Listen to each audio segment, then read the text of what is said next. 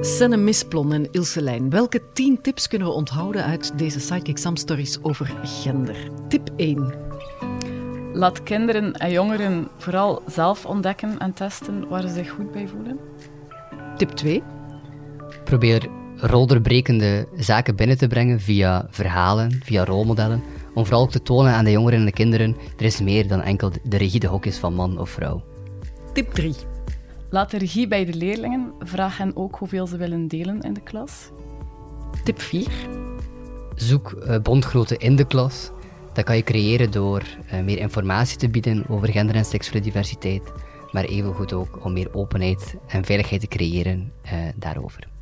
Tip 5. Koppel gender niet altijd aan seksualiteit. Tip 6. Zet af en toe eens die kritische genderbril op. Kijk naar jezelf. Hè. Hoe kijk je zelf naar gender? Hoe heeft mijn blik op gender invloed op mijn klaspraktijk? En spijker waar nodig je kennis bij. Tip 7.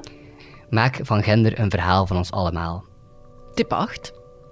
Besef dat er geen wonderoplossing is en dat het maatwerk blijft. Tip 9. Gebruik geen typische man- of vrouwvoorbeelden en let ook op met uitspraken als de sterke jongens mogen mij eens helpen. Tip 10.